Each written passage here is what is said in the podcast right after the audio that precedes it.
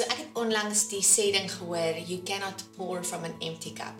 En as mens mooi daaroor dink, is dit so waar. Ons as vroue is gewoond aan om net te gee en te gee en te gee en te gee. By die werk, by die huis, die kinders, met jou man. En eers, eers gaan daar halt geroep moet word want jou liggaam en jou gees kan net nie so aangaan nie. Eers moet ons ons tankies ook vol kry om weer op 'n plek te wees wat ons kan gee en kan gee en kan gee. Ek dink dit is 'n genetiese ding, dis hoe ons gemaak is. Ons sit onsself altyd laaste. As daar ehm um, nuwe klere gekoop word, dan wie wie kry eerste?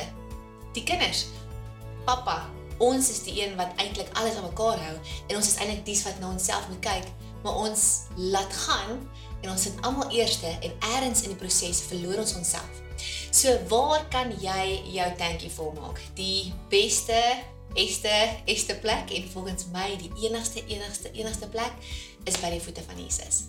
As ek dink aan aan Dawid en hoe hy een Psalm aanhaal wat hy sê, uh, ek kyk op na die berge, waar sal my hulp vandaan kom? My hulp kom van die Here wat hemel en aarde gemaak het. Ons kan nie ons hulp van enige ander plek af kry nie. Ek dink daar's soveel vrouens wat op hulle eie krag staat maak. Daar's soveel vrouens wat op empty hardloop en eintlik al lank al leeg is en opgebruik is en absoluut net dood is eintlik aan die binnekant. En daar is net een plek waar jy daai tank kan volmaak. Jou man gaan dit nie kan doen nie. Kan jy dit waarborg? Nee, maak nie saak hoe perfek hy is nie, hoe amazing hy is nie.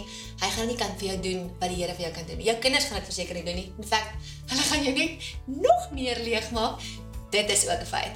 So daai een plek waar jy kan sit by die voete van Jesus en net leer, Here, ek het ek kan nie meer nie. Ons moet ons moet ons trots in ons sakkie sit en besef ons kan nie op ons eie krag staat maak nie. Ons kan nie. So ons moet kan gaan sit by Jesus se voete en sê ek kan nie so aangaan nie. Ek weet nie waar die lyn te trek nie. Asseblief help my. Help my. Gee vir my krag, gee vir my hulp om om grense te trek, om boundaries te hê want ons ons is so vrylik. Ons gee alles van onsself tot ons baie keer op 'n plek kom wat ons voel, luister, ek het nou vir te veel goed ja gesê, maar ek weet nie hoe om uit te kom nie. So as jy ehm um, van die begin af weet, okay, hier's waar ek my boundary trek en sê, jammer, ek is nie beskikbaar om hierdie te doen nie. Ek is nie beskikbaar om daar te wees nie. En ons moet kan leer hoe om nee te sê.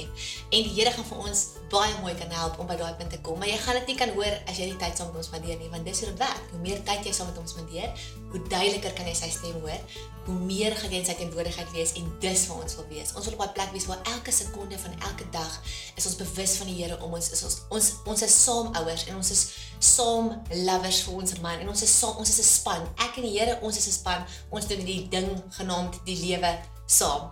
So ek wil vir jou vandag encourage as jy moeg is en jy is op en jy kan nie meer nie.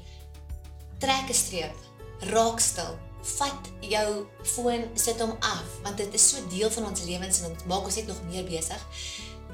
Maak net jouself stil vir 'n oombliekie en gaan op jou knieë en sê vir die Here, help my. Help my nou om te fokus. Help my nou om te fokus op die ding wat belangrik is, maar maak my eerstens vol met alles wat U aangaan. Maak my vol met U liefde, vol van U geduld en U vrede, want dan kan ons die lewe weer in die gesig staar. Ek hoop jy gaan vandag die keuse maak om regtig by die voete van Jesus te sit en regtig op te kyk na die berge in jou lewe en te besef jou hulp kom net van die Here wat die hemel en die aarde gemaak het en van absoluut niemand anders nie.